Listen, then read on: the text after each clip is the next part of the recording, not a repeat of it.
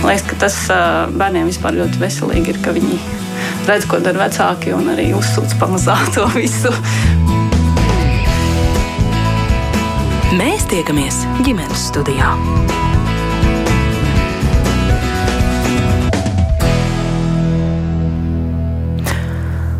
Labdien, rādījums ģimenes studija sāk savu skanējumu. Jūs sveicināta producents Armīta Kolāta, mans vārds ir Agnes Linka. Palīdz jauniešiem, kurus līdzcilvēki izvēlas neredzēt. Jā, tātad gaidot labdarības maratonu dod pieci, arī mēs vēlamies aktualizēt šo riska jauniešu problēmu tematiku, bet lai vispār niansētāk izprastu to, kādas ir šī vecuma posma īpatnības un kāpēc tieši pusauģi visbiežāk nonāk problēmu bērnu statusā, saruna šodien ģimenes studijā, un tās dalībnieces būs pusauģa resursu centra sadarbības projektu vadītāja un mentora dialektiski behaviorālās terapijas speciāliste Romija Krēziņa. Labdien! Labdien! Un attālināti mums pievienojas arī attīstības psiholoģija un Latvijas universitātes profesore Ānika Miltuze. Labdien! Labdien! Arī jūs, klausītāji, kā alaži esat aicināti papildināt no savas puses eh, šo sarunu, iesūtot kādus savus vai nu jautājumus eh, speciālistēm, vai arī komentārus, kas iespējams jums radīsies vai raisīsies raidījumu gaitā. Varbūt jums pašiem ir bijusi spilgta pieredze kā pusauģiem, vai varbūt tāda ir šobrīd esot eh, pusauģu vecākiem. Ja tā, tad padalieties ar to, rakstiet ģimenes studijai no mūsu mājaslapas www.latvijas radio.lv. Iesildoties un iesākot sarunu, es gribētu vaicāt jums abām kopīgi, vai jūs piekristu apgalvojumam. Un, ja jā, tad kāpēc? Ka pusauģu vecums ir grūtākais laiks cilvēka dzīvē. Romija. Um, uh, es domāju, ka, ka tas noteikti ir uh, izaicinošs laiks. Es gan nezinu, vai tas ir grūtākais laiks. Man liekas, mums katram tādā dzīves gājumā ir savi grūtākie laiki un grūtākie posmi. Un, un ir tas teiciens, ka būtu forši, ka mēs zinām, ka, ka mēs esam tajās labajās dienās, tad, kad mēs viņās esam. Uh, tad man šķiet, ka daudz no mums tomēr pusauģu gadus atcerās arī ar tādu, um, tādu labu un pozitīvu sajūtu. Tā kā viennozīmīgi šim nepiekrist. Viennozīmīgi es, es droši vien viennozīmīgi negribētu dzīvē. Uh, piekrist, jā. Kā ir nu attīstības psiholoģijas skatu punkta, Anika? Uh, jā, īstenībā ļoti līdzīgi. Uh, jo nu, nevar teikt, ka ir visgrūtākais, jo katrā vecumposmā var atrast gan savu grūtumu, gan, gan savu pozitīvismu, bet uh, Romija vienkārši paņēma man vārdus no mutes, jā, izaicinājumu pilns laiks. Un, jā, lielā mērā izaicinājumu pilns gan pašiem pusauģiem, gan, protams, vecākiem. Valodnieki nesen eh, šeit uh, jūsmoja par to, cik bieži mēs vārdu problēmas vai grūtības tagad eh, gribam aizstāt un tā kā mīkstināt un atvieglināt ar vārdu izaicinājums, bet, protams, es jums piekritīšu, vai mēs varam arī definēt, kad vispār sākas pusauģu vecums. Tur ir laikam bioloģiski sākums un psiholoģiskais pusauģu vecuma sākums, vai tā var iedalīt un vai, mm, vai tie vienmēr sakrīt? Annika? Uh, nu, mūsdienās uh, mēs uz pusauģu vecumu skatāmies kā uz tādu lielu pārejas posmu, um, kas uh, iesākas uh, plus mīnus 12 gadu vecumā un ilgst līdz pilngadībai, jo šo te sešu gadu laikā notiek nu, tiešām diezgan daudz pārmaiņu, Uh, un vismaz attīstības psiholoģijā šobrīd neizdala atsevišķi nu, pusauģus un jauniešus, kas varbūt mums agrāk bija pierasts nu, vairāk padomju gados, bet mēs skatāmies uz šo posmu kopā, jo Tur ir daudz visādu pārmaiņu, kas dinamiski nomaina vienu otru. Protams, ka fiziskā attīstība var iet jau drusciņi ātrāk uz priekšu, un ir arī jau pirms pubertātes vecums pavirzījies nu, agrāk, un, un pirmās nu, tādas pubertātes pazīmes jau, teiksim, meitenēm mēs jau vērojam 10 gadu vecumā, 10, 11 gadu vecumā, jā, bet tiešām par tādām grūtībām un izaicinājumiem sadarbībā saistībā ar pusauģiem, jā, nu, tur biežāk mēs skatāmies no, no šiem uh, 12 gadiem. Ja drīkst papildi jautājumu, kāpēc tad vairs neizdala un nenošķir pusauģus no jauniešiem? Kā jau es teicu, nu, tas nav tā, ka tu pamosties 16. dzimšanas dienas rītā, un tev ir pilnīgi kaut kas citādāks nekā bija vakar.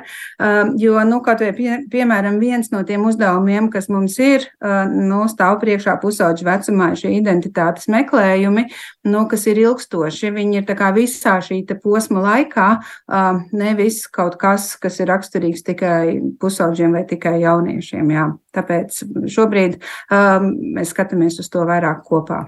Jā. Toms uzreiz iesaistās mūsu sarunā un vaicā, nu, kad tad mūsdienās vispār var teikt, ka sāks pusauģu vecums, jo šķietam viss notiek daudz ātrāk. Brīžiem liekas, ka mana deviņgadniece jau ir faktiski pusaudze ar visām savām izdarībām. Romija varbūt to arī var nokomentēt no savas puses, kā tur ir ar to sākuma posmu. Ir dzirdēts tā, ka saka, aizvien ātrāk sāks pusauģu vecums. Um. Jā, nu es domāju, ka šajā katrs no gadījumiem noteikti būs vairāk vai mazāk individuāls. Nu, mēs pusauģu resursu centrā mēs sākam strādāt no desmit gadu vecuma.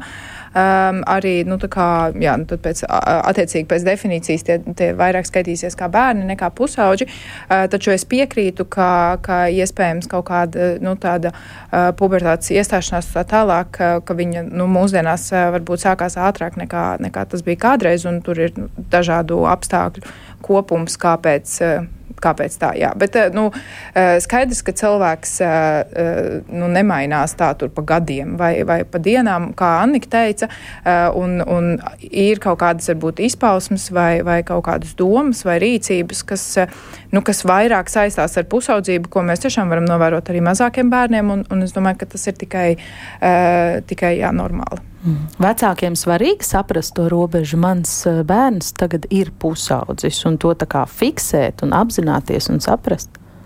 Es domāju, ka kaut kādā mērā eh, noteikti ir svarīgi sev nodefinēt, ka šobrīd uh, Eh, nu, ka, kad notiek kaut kādas pārmaiņas. Iespējams, nu, no savas pieredzes eh, varu teikt, ka man ir uh, meita, kurai tūlītās paliks 11 gadi, un es sāku redzēt, kad ir šīs pārmaiņas. Un, manuprāt, šo brīdi tomēr ir ļoti svarīgi piefiksēt, jo, jo, jo nu, manā uztverē tāds pusaudzis, viņš nav liels bērns vai mazs pieaugušais, bet tas ir, nu, prasa kaut kādas, nu, mums kā vecākiem arī varbūt nu, tādas kaut kādas specifiskākas prasmes un pārdomas par to, ka šobrīd notiek bērnā kaut kādas pārmaiņas. Līdzīgi kā tas, es domāju, ir arī ar mazajiem bērniem, vai ne, kad, kad eh, tāds no zīdaiņa kļūst jau par tādu, uh, ko sauc par todleri, nu tā kā par to mazo bērnu, ka, ka nu, mums tomēr ir kaut kādas pielāgošanās, ko tas prasa. Un, un es domāju, ka ir svarīgi varbūt sev arī piefiksēt, jā, kad šobrīd notiek kaut kādas pārmaiņas, un bērns varbūt var nesaprast, kas ar viņu notiek vai kāpēc notiek, un arī mēs paši varbūt jūtamies uh, savādāk tajā vecuma posmā. Mm. Anika, ko jūs par šo piebilstu? Vai vecākiem vajag skaidri nodefinēt? Es teiktu, varbūt netik skaidri nu, saprast, ar kuru dienu manam bērnam ir sācies pusauģu vecums, bet saprast, ka tas ir pusauģu vecums, un līdz ar to tas no manis prasa. Nu, varbūt citāda veida reakcijas nekā un uzvedību vai audzināšanas stratēģijas, ko es lietoju, kamēr mans bērns bija pavisam mazs. Tas jā, jo Jo, nu, tomēr, eh, jā, es teiktu, iejūtīgi vecāki, nu, eh, ir svarīgi, jā, sekot līdzi sava bērna attīstībai un tā kā vienkārši zināt, kas kurā vecuma posmā ir sagaidāms, kaut vai tāpēc, lai saprastu, ka šī ir vecuma posmam tipiska uzvedība un, un eh, nu, bērns no tā kaut kādā brīdī izaugs un savukārt noķert, nu, kas varbūt nav vecuma posmam tipiski un par kurā brīdī ir jāsāk uztraukties un jāsāk raizēties. Par to vecumu posmam tipisko uzvedību droši vien, ka parunāsim detalizēti vēl nedaudz eh, vēlāk. Pakāpjoties solīt atpakaļ, vai būtu svarīgi arī izstāstīt un izskaidrot, cik un kādas vecuma posmu krīzes cilvēks iziet un izdzīvo um, tajā laikā vēl pirms uh, pusauģu vecuma, un vai un kā tās ietekmē to, kas tad ar uh, mani kā personību notiek šajā sarežģītajā pusauģu vecumā? Anika? Man nepatīk vārds krīzes. Jo, jo krīze automātiski paredz, ka tas ir kaut kas slikts, ar ko mums ir jātiek galā un jārisina. Um, es drīzāk teiktu, ka katram vecumposmam ir um, kaut kādas iezīmes, īpašības, um, nu, kas maina bērnu uzvedību, um, vai tas viennozīmīgi ir sasienams ar nu, tālākiem attīstības posmiem.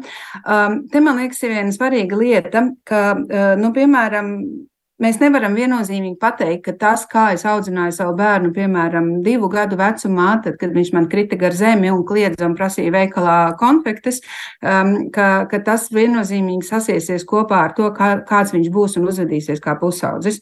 Te ir jāskatās drusciņi plašāk, uh, jo to, uh, kā bērns kurā vecumā uzvedās, ietekmē ļoti daudzi nu, aspekti, faktori, kas savstarpēji miedarbojas. Un pirmkārt, tas ir bērnu temperaments.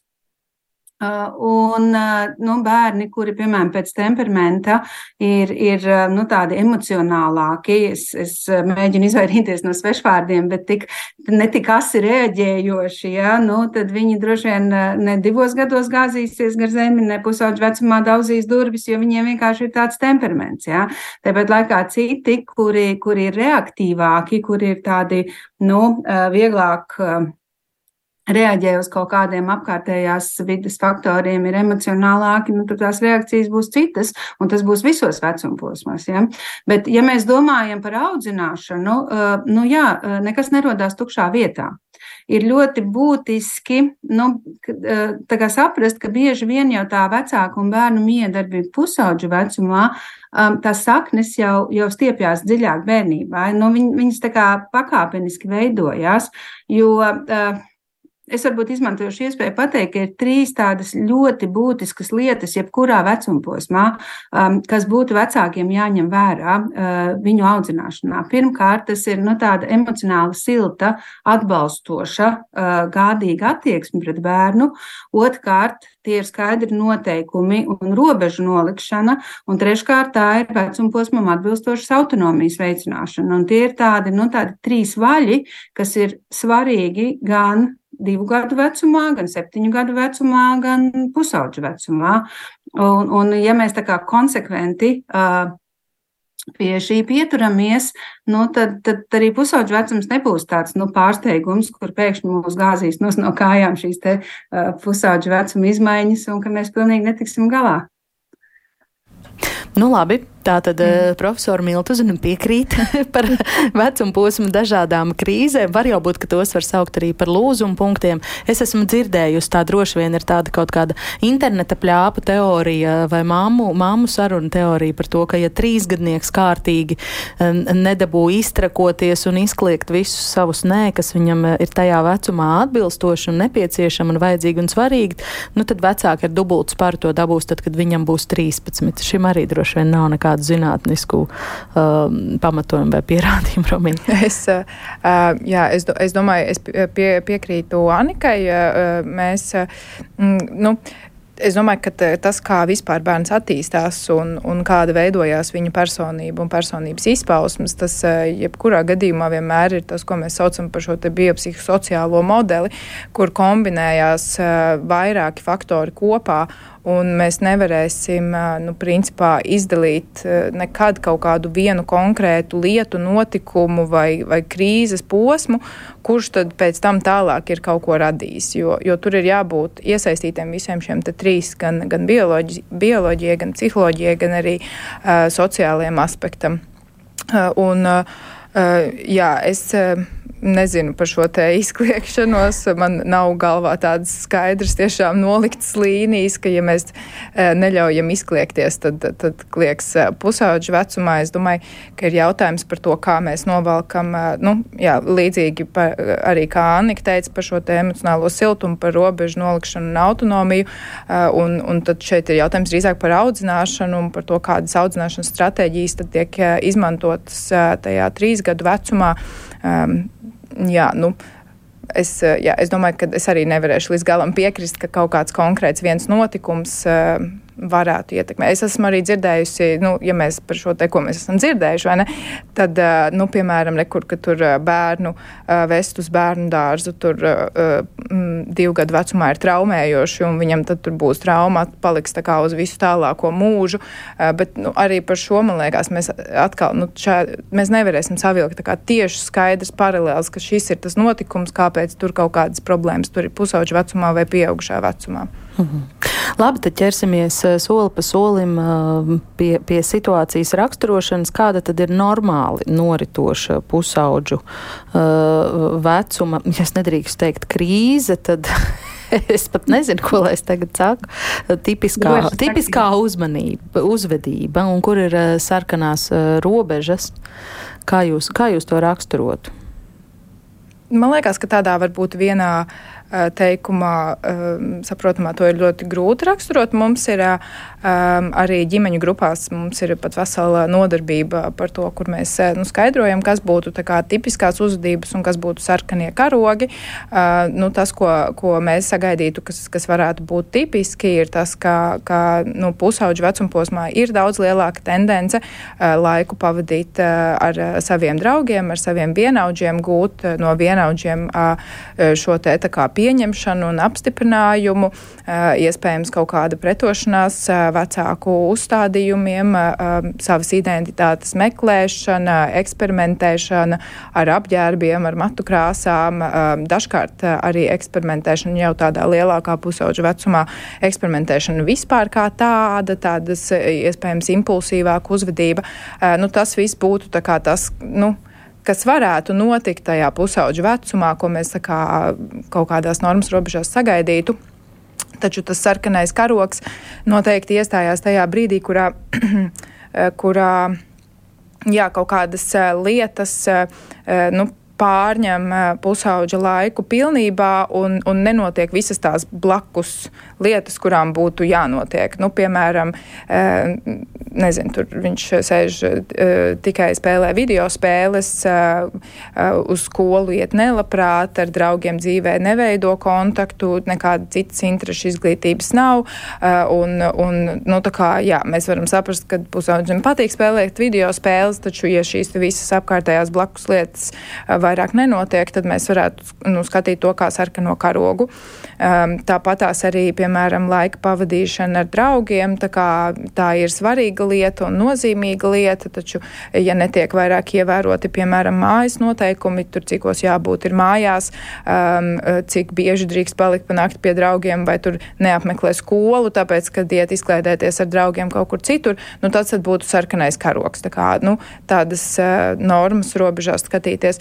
Taču es gribētu teikt, ja man ir varbūt grūti tiešām novilkt tādu skaidru līniju, kas būtu tā tāds sarkanais karoks un kas būtu zaļais, jo tās katra situācija tomēr ir ļoti individuāla un tad arī individuāli iespējams skatāma. Mm, Iedomājieties, ja, ja jums tas ir grūti, kā tas ir vecākiem. Es, ir es ceru, ka Annika varēs dokumentēt labāk. Annika noteikti papildinās. Um, jā, es papildināšu, jo Romija jau nosauca nu, tās daļu no tādām būtiskākajām lietām, kas ir tipiskas pusauģu vecuma posmam. Uh, jā, tieši šī te, tas vienaudžu svarīgums un, un komunikācijas ar vienaudžiem, bet tur arī tipiski, kas nāk līdzi, sākas šī savstarpējā salīdzināšana ar vienaudžiem, jo, jo pusauģu pašvērtējums arī lielā mērā ir atkarīgs no vienaudžu vērtējuma par sevi, ir, ir atkarīgs no tā, ko viņi redz sociālajos tīklos un sociālajās platformās un sevi salīdzina. Tā kā tas ir neizbēgami, kas, kas notiek. Vēl es gribētu piebilst arī drusiņu no šīs bioloģiskās attīstības puses, ka pusauģiem ir saistībā ar viņu smadzeņu attīstību ir, ir tā saucamā attīstības nesaskaņotība, kur, kas nozīmē, ka ātrāk nobriest zemgarozu struktūras, kas atbild vairāk par šo emocionālo sfēru, bet um, pieres daiva, kur atbild par, atbild par kontroli, eh, nobriest salīdzinoši vēlāk. Un, uh, tas izskaidro, ka pusauģiem ir raksturīga biežāk nekā citos vecuma posmos kaut kādas nu, impulsu apvaldīšanas grūtības vai uh, riskantas uzvedības, kur, piemēram, un tas ir tikai pusauģu vecuma fenomens, um, ne tikai, protams, bet pārsvarā, jā, ka pusaudzis, piemēram, viņš tā kā jums var izstāstīt, kāpēc nedrīkst darīt vienu vai otru lietu, kas slikts no tā uh, varētu celties, bet tad, kad viņš pats nonāk tajā situācijā, viņa uh, smadzenes, kon, smadziņu kontrolas mehānismi, nu tā kā nenobremzē viņu, jā, viņš, viņš pats var mesties tajā riskantajā situācijā iekšā, lai gan viņš labi zina, kāpēc to nevajadzētu darīt, jā, un tas ir, tas ir vēl kaut kas, kas, ar ko mums vienkārši pusauģa vecumā ir jārēķinās. Um, nu jā, un tad, uh, piedodiet, es vēl pēdējo pateikšu, jā, ka, uh, ka uh, vēl viena tāds arī, kas, kas par ko ir jādomā vecākiem, ka pusauģi uh, fiziski nobriest diezgan ātri. Ja, tātad meitenes jau 15 gados izskatās pēc sievietēm, puiši nedaudz vēlāk, no 16 gados izskatās pēc jauniem vīriešiem, bet mēs nevaram automātiski tāpēc viņus nu, tā uzskatīt par pieaugušajiem, jo tas ir tas risks, ka bieži vien mēs kā pieaugušie, ne tikai vecāki, arī, arī skolotāji, arī, arī citi pieaugušie, mēs tā kā, nu, uzķeramies uz tā vizuālā tēla un prasām no pusauģa nu, tādu pieaugušu cilvēka uh, spriest spēju, rīcību, lēmumu pieņemšanu. Un mēs uzliekam viņām daudz lielāku nu, šo sociālo slogu, nekā viņš ir spējīgs viņu, viņu realizēt. Ja? Un tad, tad tas arī nu, tā ir tāds riska faktors. Jā, te nu man liekas, ka mēs nonācām pie paša interesantākā šajā tematā, jo kurš gan no pusauģa vecākiem nezina to situāciju, ka mēs taču visu esam izrunājuši, mums viss ir skaidrs, mums ir skaidrs, viņam ir skaidrs, un tad, kad nonāk reālā situācijā, reālā rīcība, tad kaut vai tas pats slavenais nē, kas būtu jāpasaka aizliegtām vielām vai um, neadekvātām izvēlēm, kaut kur ir pazudis, vai ne? Mm. Romija. Ikdienā Jā. darbā ar pusauģiem, eh, ar problēmu pusauģiem nākas saskarties arī ar šo kā tādu fenomenu, ko pieaugušie varbūt vecāki varbūt nesaprot. Um, jā, nu, pavisam noteikti. Man liekas, ka tas ir, tas ir nu, vien, viena no tādām, uh, nu, iespējams, nu, strādājot ar, pu, ar pusauģiem, uh, tas ir vislielākais uh, izaicinājums. Ja, kā valodnieki man nepiekrīt tagad uh, kaut kur, uh, tas ir vislielākais izaicinājums tiešām uh, pārnest uh, tās zināšanas arī uh, no tā, ko tu viņam stāsti un ko mēs mācāmies, iespējams, tur nezinu, kabinetā vai grupās, pārnest uz to reālo dzīvi, ka viņš spēja atpazīt šīs situācijas un spēja pielāgot veidot eh, nu, kaut kādas savas uzvedības eh, tām situācijām, lai nu, tas būtu tāds, nezinu, ilgtermiņā, ilgtermiņa tāda domāšana vērsts. Eh, un arī attiecībā uz vecākiem, nu, tas, ko mēs redzam, ka tā ir iespējams kaut kāda grūtība, tieši tas, ko An Anika minēja, ka nu, viņš izskatās liels, viņš runā gudri, bet lēmumus pieņem kaut kā pilnīgi atžgārni. Un, un, tas, un, un šeit arī ļoti sasaucās ar, ar šo tādu nu, vecāku uzdevumu, iespējams, pusauģu vecuma posmā, eh, kad, ehm, nu, kāpēc pusauģiem iespējams tik ļoti kaitina, kad tie vecāki viņiem tur moralizē un stundām ilgi stāsta, nu, tāpēc, ka viņi jau to īstenībā zina. un, eh, un šeit vairāk, vairāk tās, tās lielākās rūpes un tas lielākais uzdevums no vecāku puses ir tiešām, nu, pāraudzīt, uh, nu, tā bērna tādas ikdienas paradumus un veicināt uh, viņam vidi, kurā ir iespējams pieņemt šos pozitīvos un pareizos lēmumus. Nu, piemēram, nesen bija viena Eh, situācija eh, mūsu centrā kolēģei, kur arī vecāki nu, eh, pēc Covid me, savai meitai bija, nu, tur pa, ir pazuduši pulciņi, viņi vairāk neapmeklē tā, tos pašus pulciņus un nevēlas sākt jaunus pulciņus, un viņi, nu, tā, ka mēs tā kā izrunājām, un viņa mums tā ļoti skaidri izstāstīja, kāpēc viņai tas nav vajadzīgs. Un, un šeit, ir, nu, šeit ir jautājums, kā, kad, nu, ir saprotams, ka tas nav, kad viņa var ļoti skaidri izstāstīt, kāpēc viņai tas nav vajadzīgs, bet, nu, savā ziņā tomēr nu, iedot to struktūru, ka tas bērns pēc skolas, māja, pēc skolas nevis staigā pa rajonu un dara sazina kādas lietas, bet ka viņam ir nu, kaut kādi pienākumi, kaut kāda struktūra vieta, kur iepazīties ar tādiem pozitīviem, prosociāliem citiem jauniešiem un pavadīt laiku. Nu, tas ir daudz būtiskāk kā tas, ka mēs tagad stundām ilgi pārspriežam uh, interešu izglītības nepieciešamību pusauģu vecuma posmā ar to bērnu. Jā. Kāda klausītāja arī iesaistās mūsu sarunā, viņa parakstījusies kā māma diviem un jautā, bet ko tad darīt vecākam, ja viņš ir bijis droši vien jau labs, ņēmis vērā visus tos profesorus minētos trīs apsvērumus, bet Pusaudzis ir vienkārši, ja tā var teikt, neizturams ceļos, un jau zinu, ka virtuvē man sagaidīs agrāk mīlīgais bērns, kurš visu laiku teju tikai rūts, kā vecākam nesacepties, vai tomēr sacepties. Nu, šis jau vairs nav par pusauģiem, bet par vecākiem, bet droši vien, ka tas um, ir jautājums, kurā var, var, varam runāt par tādām biežāk pieļautajām kļūdām no vecāku puses. Arī Romija jau par to uh, iesāka runāt un atbildot šai mammai, ko jūs, Anika, teiktu? Es teiktu, mierināt sevi ar domu, ka bērns izaugs no šī vecuma. Tas ir neizbēgami, jo es tas atdzirdu, uh, nu, ne neizbēgami, bet šim konkrētajam bērnam, ja viņš tā uzvedās, tā, tad viņam ir, nu, viņa temperaments, viņa šie kaut kādi uh, biopsihosociālie apstākļi ir, ir uh, jā, liek viņam šajā vecumposmā tieši šādi reaģēt. Um, Bet svarīgi ir, man liekas, saprast, ka tas nav pār vecāku, par to, cik viņš ir labs vai slikts vecāks. Te, te ir stāsts par vecumu posmu. Tas ir pusauģu vecuma posms, un viņam ir šī te īpa, vecumposma īpatnība, ka viņš rūc un viņš ir dusmīgais pusaudzis un viss ir slikti un nenāc man klāt. Es ļoti labi zinu, par ko ir stāsts, jo arī esmu mamma diviem, uh, diviem vienam vēl pusaudzim, otram, kurš jau ir laukā no šī vecuma. Uh, un, un tiešām palīdz tas, ka mēs to neustveram personiski. Uh, jo tas tiek vērsts pret mums personiski, ja, jo virtuvē esmu es un, un, tas rūcošais pusaudzis, uh, bet viņam šobrīd uh, vienkārši ir tāds periods, un viņš nevar būt citādāks. Uh, un, un tas palīdz tajā brīdī nu, man kā vecākam nezaudēt savu kompetences izjūtu. Uh, un tur nav vērts arī par to dusmoties, jo pusaudzis, ticiet man, viņš pats nav laimīgs tajā brīdī, kad viņš to dara. Ja, jo, jo viņam vienkārši uh, nu, tāda tā uzvedība sanāk, uh, bet, uh, bet var mierināt jā, sevi ar domu, ka, ka viņi izaugs no šī vecuma posma. Nu, ir jāpaciešās nieka pusgads vai gads, un, un lietas mainīsies.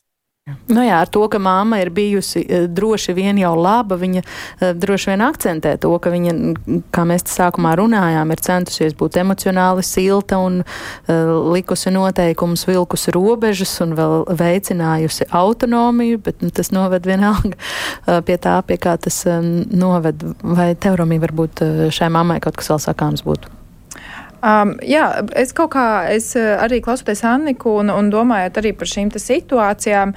Um, jā, man liekas, ka, tam, ka, ka tiešām tik tiešām vienkārši neņemt varbūt tik ļoti personīgi, jo, jo arī eh, nu, no tādas eh, pieredzes mūsu centros, eh, nu, tas, ko mēs ir, ir ārkārtīgi interesanti skatīties, jo, jo mēs DBT terapijā strādājam. Mums ir ģimeņu grupas, kur mēs satiekam pusauģus ar viņu ģimenēm kopā, un tad mums ir atsevišķi individuālās konsultācijas, kur mēs runājam tikai ar pusaudzi. Un tiešām ir ļoti interesanti novērot, kā, kā mainās šī pusauģa uzvedība nu, atkarībā no tā, kas viņam nu, tajā brīdī sēž blakus. Jo, piemēram, kabinetā pusaudzis var stāstīt, cik, viņš, nu, kad, kad, cik viņam ir liela mīlestība pret savu ģimeni un ka viņš vēlas siltumu no mammas un vēl grib pavadīt laiku ar viņiem vairāk un ka viņam pietrūkst, ka, ka mamma tur kādreiz atnāktu samīļot vai tur sabučot un tā tālāk. Un tad uh, divas dienas vēlāk mums ir šīs grupas un tad mēs redzam, ka viņš tur tāds sabozies sēž un uz mammu nemaz neskatās.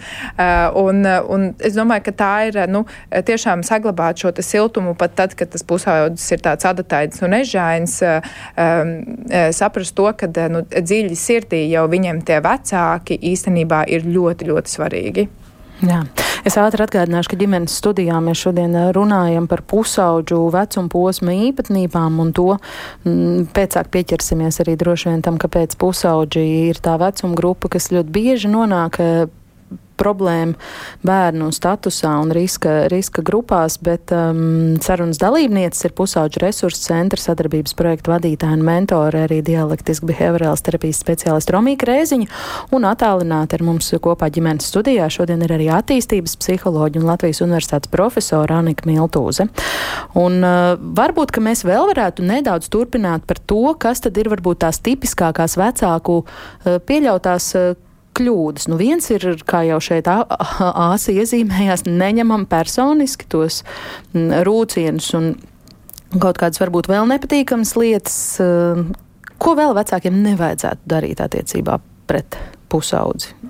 Nu, viena lieta, ko, ko arī mēs esam pamanījuši, ir svārstīšanās, un tas vairāk, vairāk attiecībā uz šīm robežām un kontroli, tāda svārstīšanās starp Eh, starp pilnīgu pielaidību un ārkārtīgi stingriem noteikumiem, eh, kas eh, ir īpaši raksturīga vecākiem, kuru, kuru pusauģiem iespējams ir vairāk kādas grūtības vai problēmas, iespējams, nezinu, kā arī, arī kādi uzvedības traucējumi, kur, kur tas vecāks dažkārt viņš, nu, mēģina ievērot kaut kādas robežas un skaidrību, un tad viņš tiek izvests jau līdz tādai robežai, kurā viņam ir viena alga, tā kā viss labi dari, ko tu gribi, un tad tas pusaudzis kādu laiku dara, ko viņš grib, un tad tas vecāks ir atguvis iespējams nezinu, spēku vai sirdsmieru. Un tad pēc uh, divām nedēļām, nezinu, tur tā kā, ja tu nepēdīsi brokastis, tad tu neies ārā no mājas vairāk. Uh, tur, nezinu, kamēr tu nepēdīsi brokastis, tikmēr tu neies ārā no mājas, un mēs tagad sēdēšu pie galda un skatīšos, kā tu ēd maizīt, lai gan iepriekšējās divas nedēļas viņš varēs darīt visu, ko viņš grib. Un, uh, un tā ir pilnīgi normāla, varbūt tāda vecāku arī audzināšanas reakcija, kurā nu, mēs turam šo spriedzi tik ilgi, kamēr mēs vairāk nevaram, tad mēs uzsprāgstam, tad mums ir, ai, labi, man pilnīgi vienalga, un tad mēs atkal atgriežamies tādā pārmērīgā kontrolē. Un, un iespējams, jā, šiem, te, šiem te riska, riska jauniešiem varbūt tā ir tāda viena no lielākajām grūtībām nu, darbā arī ar viņu vecākiem, ir nu, kā, kā tad atrast tās audzināšanas stratēģijas kuras būtu iespējams eh, nu, mm, izmantot un pielietot viscaur, eh, lai nevajadzētu vairāk mētāties, eh, jo, jo šī nekonsekvence iespējams ir tā, kas patiesībā rada vēl lielākas, vēl lielākas problēmas. Jā. Mm. Nu, patiesībā jau ievērot konsekvenci, šķiet, ka speciālisti uh, visos vecumos iesaka vecākiem attiecībā uz bērniem, jā, nu, es domāju, ka tas tāds pamats, universālais, universālais jā. Anika, ko jūs vēl liktu šai sarakstā? Um, nu, ja mēs sanāk, ejam, ejam atkal saistībā ar tām pamata trim lietām, un ja Romija runā vairāk par robežām, tad es druskuņi par to autonomiju, ka tur atkal droši vien tipiska tāda kļūda varētu būt nu, kaut kāda šīs autonomijas. Uh, nu, nerespektēšana, mēģinot pusaudzim uzspiest savu viedokli, piemēram, kā viņam būtu jāģērbjās vai kā viņam būtu jākrāso mati kādā krāsā. Un nu, pētījumi rāda, ka tas, šie strīdi ir diezgan neliederīgi. Um, jo, jo es varu ar savu vecāku varu panākt, ka mans pusaudzis iziet no mājas, um, nu, saģērbies tā, kā es gribu, bet es vienlaicīgi panāku, ka viņš apiet ap stūri un izvāk no somas kaut ko līdzpaņemtu un pārģērbjās, un, un tas tikai vairo nu, tādu neusticēšanos starp viņu un mani. Um, nu, jā, uh, no otras puses, vai man vajag atbalstīt katru, katru neprātu, kas bērnam ienāk prātā, nu, piemēram, uh, ledainā uh, ziemas spēlē Elgonī skriet ar pliku vēderu. Um, nu, ta, tas ir tāds grūts jautājums, jo no vienas puses mans vecāka pienākums ir informēt, teikt, skaidrot, kāpēc tas nav labi un kas tevi tā apdraud, bet no otras puses, nu, jāpaturprātā, ka iespējams, jā, tas nestrādās, iespējams, nu, viņam ir svarīgi tai manai meitai ar pliku vēderu parādīties vienaudžu vidū un, un arī ziemas laikā, jā. Un, un, un vislabāk šeit strādāt, nu, tādas dabiskās sekas, nu, izēj puspliks ārā nosalsti un pats saproti, ka, ka ka nekas labs jau no tā nav. Jā.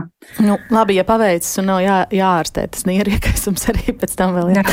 bet Toms mums uh, vaicā, kā prast ietekmēt, uh, bet tajā pat laikā nesaraut saikni ar bērnu. Ir stāsts par bērnu draugiem, kas iespējams var negatīvi ietekmēt. Uh, redzu, ka labākais draugs ir slikta ietekme, nu, ņemot vērā, ka vecāki pēc noklusēm jau neko nesaprot vienaudžu atzinība, pieņemšana, tas arī ir viens svarīgs faktors, kas šeit izskanēja. Mm. Nu, es domāju, ka um, jā, kā, kā, kā, kā ietekmēt vai kā mainīt kaut kādus paradumus, tad, tad um, nu, šīs stratēģijas, kur mēs uh, baramies un konfliktējam un aizliedzam un tā tālāk, nu, tas mēs varētu drīzāk pieskaitīt pie tādām reaktīvām stratēģijām, respektīvi ir kaut kāda lieta vai notikums, un tad mēs uz viņu reaģējam.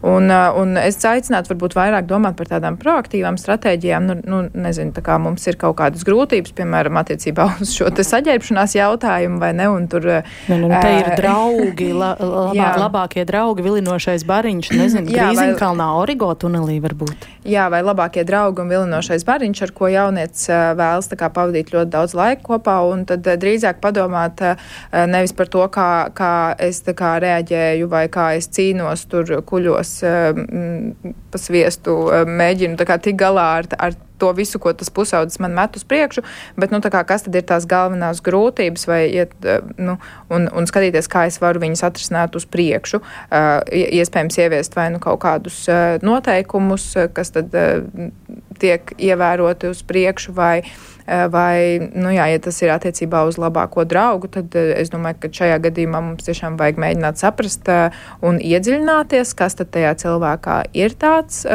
nu, un, un es arī domāju, nu šeit arī ļoti, ļoti tāda. Uh, tāda vispārīga definīcija. Nu, tā labākais draugs, kurš ir slikta ietekme, ko tas īsti nozīmē un ko šis cilvēks viņam iedod, ko varbūt viņš nesaņem no citiem draugiem. Nu, iespējams, ka tas ir kaut kas, kur mēs objektīvi ar savu pieaugušu cilvēku prātu, analītiskām spējām redzam, ka neiedod neko labu. Man liekas, Jā. ļoti izplatītas situācijas. Uh, bet, zini, kā ir, jo vienkārši tā, tā, tā problēma, nu, kāpēc, piemēram, bērni ar UDHS uh, biežāk iekuļās kaut kādās problēmās, uh, biežāk iekuļās tādās uh, nelāgās kompānijās, ir tas, ka viņus tur pieņem, lai arī kādi viņi ir. Un, un atrast eh, un domāt par šo pieņemšanas aspektu, par to, ka šis cilvēks manu bērnu varbūt pieņem tieši tādu, kāds viņš ir, vai iespējams viņam iedot kaut kādu vai apmierina kaut kādu vajadzību, ko citi cilvēki neapmierina. Un tad censties saprast, kas tad ir šī vajadzība, kas tad ir šī pieņemšana, kas tad ir šīs grūtības veidot iespējams kādas citas pozitīvākas draudzības. Mm -hmm. Nē, nu, ja tā vajadzība ir eksperimentēt, ne tajā pozitīvākajā veidā. No, Tur, kur ir riska robeža jau. Uh, Nu, jā, tad, tad es domāju, ka ne, ļoti reti, ka tiešām būs tā, ka, ka, ka kāds pusaudzis uh, pieslēdzas kādai kompānijai, tāpēc ka viņi tur eksperimentē ar vielām vai, vai dara kaut kādus noziegumus un tā tālāk. Tur vienmēr ir apakšā tiešām varbūt drīzāk tāda emocionāla vajadzība piederēt kaut kādai, uh, kaut kādai grupai vai sistēmai, vai iespējams atraidījums no cita veida draugiem un cilvēkiem. Mm -hmm. Anika? Ehm, es pilnīgi piekrītu Romijas teiktajam. Jā, tur ir jāsaprot, kas ir šī emocionālā eh, vajadzība, kas ir apmierināta caur eh, šīm te eh, attiecībām. Un ehm, no šīs konkrētās situācijas tad pēc tam arī izriet nu, tie risinājumi, jo tas, ka vienkārši es pasaku, tu nedrīkst tikties ar tiem draugiem, tas nestrādās. Klāji aizliegumi nestrādā. Varētu mēģināt, jā, šīs sarunas ar pusaudzi, ja tiešām ir šīs uzticēšanās attiecības ar vecākiem sarunas, um, kur, kur mēs tā kā kopā uh, paskatāmies uh, uz to, nu, draugu draudzeni, uh, bet, bet tas arī nevienmēr strādās un, un, un uh, es pat, jā, šī, šī, šie, šīs riska lietas gluži varbūt nav, nav tādas tipiskas attīstības uh, vadlīnijas, tāpēc es domāju, ka Romija noteikti labāk zina, kā ar šīm situācijām galā tikt. Nu jā, varbūt ļoti neieciklējoties uz šo, bet es tomēr tā pie sevis domāju, ka tā savā ziņā parasti ir tā vecāka šaurā bezizēja, jo ņemot vērā visu, kas ir izskanējis šajā studijā, nu par to uh, svarīgo vienaudžu uh, interakciju, es gribēdams nevaru tam savam bērnam, lai cik pieņemošs es būšu, lai cik emocionāli atvērts, nevaru kļūt par labāku, labāko draugu nekā viņa, mm -hmm. viņa vecuma puisis vai meitene, vai ne?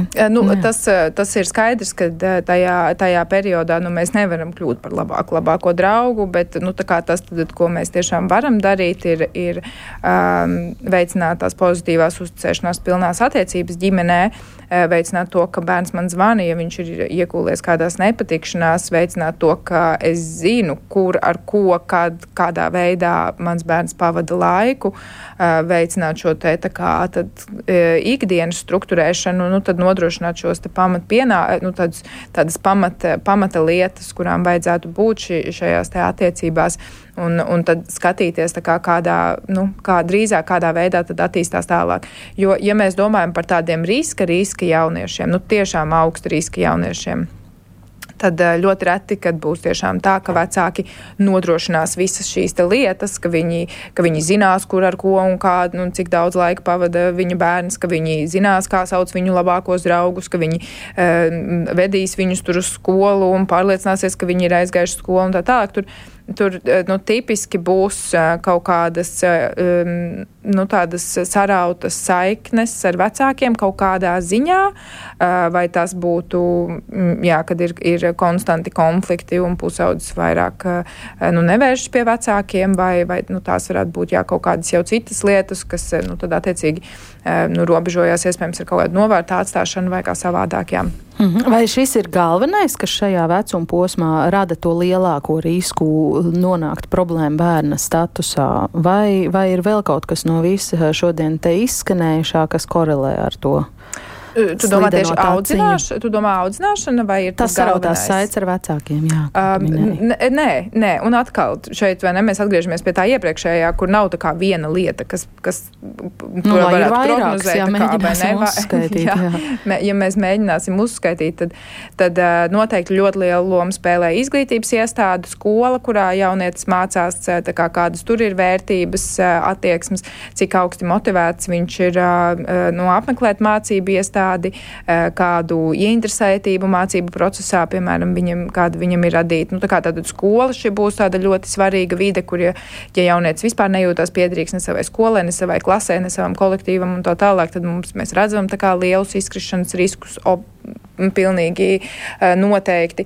Uh, nu, tad noteikti ir arī šī bioloģiskā puse, kur ir dažādas. Um, jā, dažādi psihisko saslimšanu riski jau iedzimti. Arī tas pats, kaut kādā ziņā tas pats temperaments varbūt arī noliek tā kā tādā augstākā riskā saskarties ar kaut kādām problēmām, bet nu, tas viss būs, piemēram, nu, tad, tad, tad visa būs tāda miedarbības sistēma. Nu, mēs, es tiešām negribētu, lai kāds no šī mana teiktā saprastu, ka tur um, iedzimts tur grūtais temperaments un tad būs viss slikti pusauģu vecumā, vai ne? Tā kā, uh, tas noteikti tā nav. Uh, tur ir jānostrādā vairākiem faktoriem uh, un vairākai faktoru miedarbībai, uh, lai tas tā, lai, lai mēs tiešām redzētu tādu uh, riska jaunieti. Un, un ir skaidrs, ka, uh, kāpēc mēs tik daudz uzsveram izglītības iestāžu nozīmi.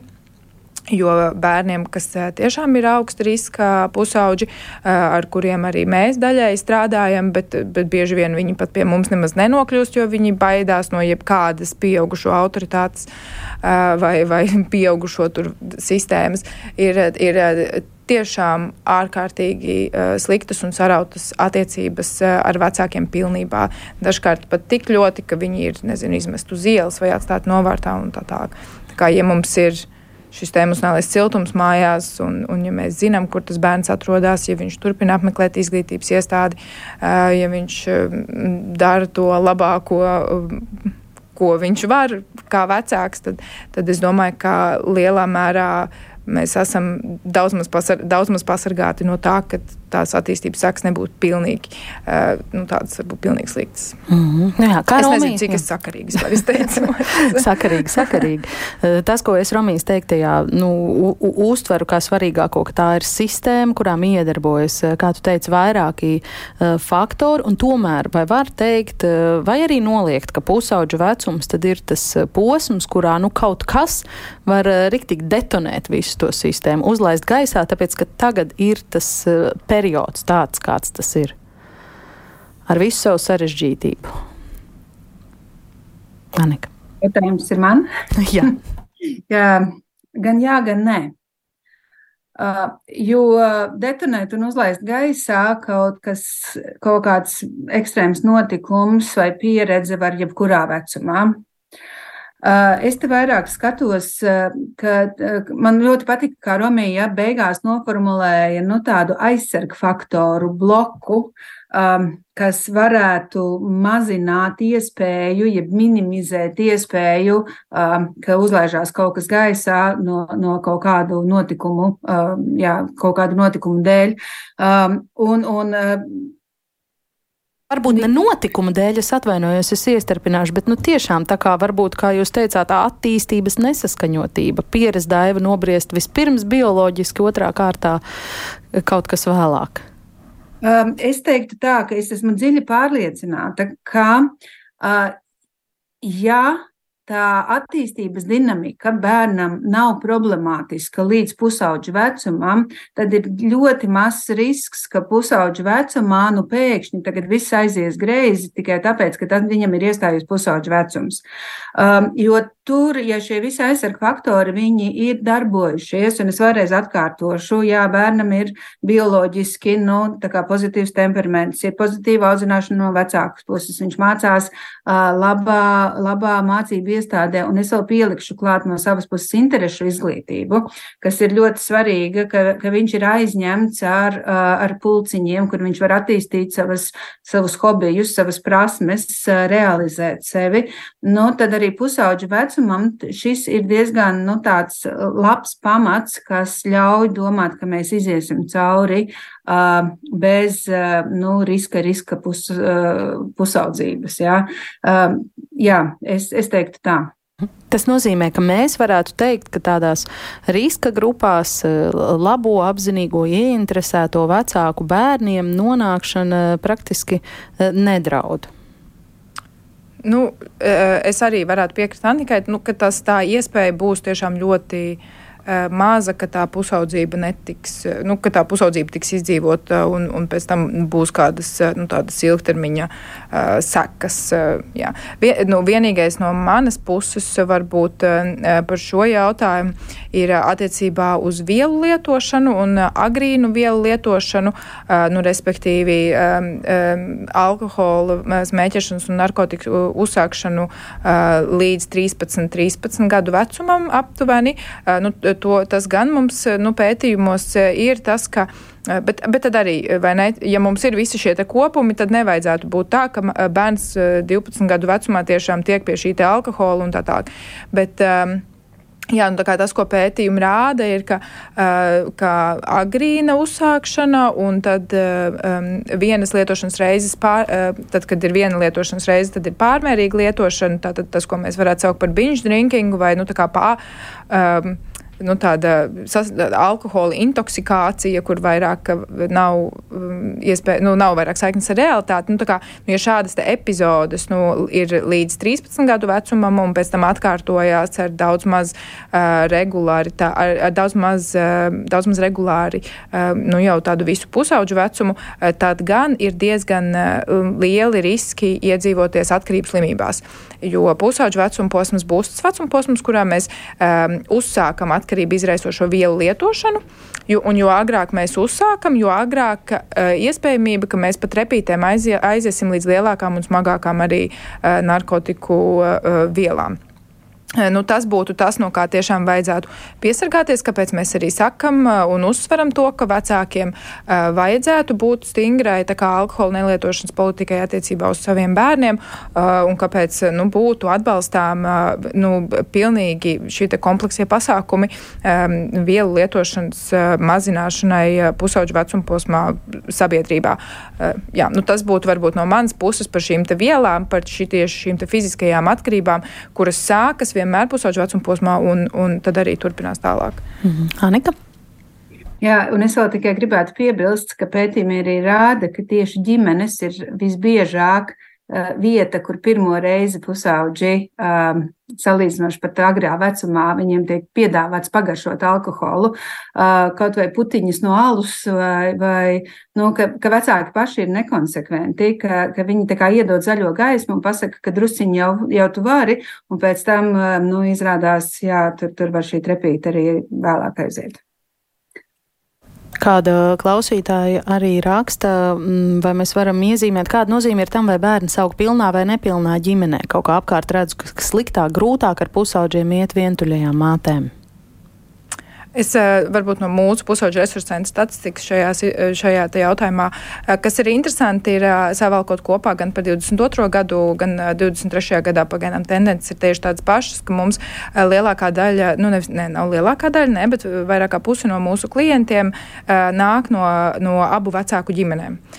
Un to mēs varam interpretēt dažādi. Mēs varam interpretēt to, ka arī divu vecāku ģimenēs bērniem ir kādas problēmas, bet patiesībā, kā mēs, uz ko mēs vairāk mēs liecamies, ir tas, ka divu vecāku ģimenēs ir lielāks atbalsts bērnam uh, saņemt palīdzību un lielāku uzraudzību, kad tā palīdzība ir nepieciešama. Un, un manuprāt, nu, tas ir tas. Uh, varbūt nu, Un, un, un tas, es negribētu teikt, ka viena vecāka ģimenēs tas automātiski nozīmē, eh, ka bērnam viss būs slikti, vai ne, ja tā ir māma, viena vai tētis, viens, kas audzina bērnu, bet eh, ir, ir pilnīgi objektīvi, ir par uz pusi mazāk acu, kas uzrauga to, to, to mazo bērnu. Eh, un, un jā, tā kā saprast, tad kādā veidā mēs varam veicināt šo te, šo te uzraudzību, nu jā, un kā mēs varam dabūt šo arī, arī vientuļai mammai vai tētim dabūt šo te cilti, kas parūpējās par bērnu. Nu, tas būtu ļoti svarīgi. Jā. Nu jā, jo tam pieaugušam jau divreiz vairāk arī ir jāizdara savā dzīvē un ikdienā. Varbūt pavisam īsi vēl gata rakstīto varam arī pagūt nokomentēt pēdējā minūtītē. Viņš saka, ka bieži vien pusaudzim pulciņu un būšana ar draugiem neiet kopā. Nu, tas nav viens tas pats. Tajā pulciņā tev nav to draugu, un, ja tu ej uz pulciņu, tad atkal draugiem laika nesanāk. Anika? Uh, es, es teiktu, ka tas ir Nav tipiski, jo, jo parasti, ja es esmu, man ir kāda interese par kādu nodarbi, eh, tad man ir eh, ar ko runāt ar citiem cilvēkiem, kuriem arī interesē šī nodarbe. Un, nu, tipiski tomēr tā, tā, tie pulciņi, nu, viņi ir tā vieta, kur arī tie draugi veidojās, jeb arī klase, kur draugi ir vairāk vai mazāk. Bet, bet tie draugi, jā, viņi ir tie, ar kuriem nu, pusaudzis visvairāk pavada laiku, un, un nu, tad mēs no šī skatu punkta varam, varam domāt, nu, ja viņš, protams, pavada visvairāk laika, es nezinu, nu, kaut kur uz ielas, nu, tad tur arī būs tie draugi, bet ja viņš viņu pavadīs skolā, un pavadījis pulciņā, nu, tad, tad pēc, pēc visiem priekšrakstiem no nu, tiem draugiem būtu agri vai vēl tur jāveidojas, jo viņš tur fiziski visvairāk ir iesaistīts. Romija vēl par šo varbūt kaut kas? Jā, varbūt tas ir. Es, es arī tiešām man ir grūti iedomāties, um, ka, ka, kas varētu būt tā situācija, kur tiešām interešu izglītībā neveidojās draugi, jo tās tomēr ir interešu izglītības, ja man kaut kas interesē, tas mums ir kā vienojošais faktors. Um, vienīgais, kas man nāk prātā, ir, ka tiešām tas pulciņš ir jauns un, un uh, varbūt uh, viņš ir nu jā, kaut kāds, um, nezinu, tur reizi nedēļā un tur mainās bieži cilvēki, tur nenāk vieni un tie paši un, un tā tālāk. Nu, varbūt kaut kāds šāds aspekts, bet tad um, droši vien, ka. Kā tad ir jāskatās, tas, ko mēs uh, dažkārt darām uh, pusauģu resursu centrā, mēs uh, dažkārt pusauģiem liekam uh, izvēlēties pulciņu, uz, kuru, uz kuriem viņi varētu iet kopā ar saviem draugiem. Nu, kā, kas jums abiem patīk, un tad mēs mēģinam uh, atrast tur, nezinu, tur, piemēram, kaut kāds badmintonus, tur mums ir pieredze ar badmintonu, ka tur tagad re, kur, kopā ar savu kā tur divas reizes nedēļā iesiet uz badmintonu pēc skolas, un, un tas viņiem ļoti patīk. Mm -hmm. Noslēgsim ar Ritas rakstīto. Protams, ka tas ir atkal tāds ideālās uh, ainas uh, zīmēšanas piemērs, bet Rita raksta tā, nu, lai vecākiem būtu pozitīvas attiecības ar pusaudzes pusauģu vecumā, tas jāveicina, tās jāveicina pozitīvas attiecības jau no mazotnes, saulēcīgi veltīt laiku savam bērnam, veltīt laiku sarunām un kopīgām nodarbībām, tad mierīgāk viņi pārdzīvos pusauģu vecumu. Šim droši vien, ka nevar nepiekrist. Paldies par sarunu ģimenes studijā. Es uh, šodien saku Romijai Krēziņai un Anikai Miltūzei. Tātad, un redzējumu šodien veidojas Armīta Kolāta, Katrīna Bramberga, mans vārds ir Agnes Linka. Vēl tikai atgādināšu, ka ģimenes studija ir dzirdama arī podkāstos Latvijas radio mobilajā lietotnē un tiekamies arī ģimenes studijas sociālos tīklos. Paldies, ka klausījāties un uz sadzirdēšanos!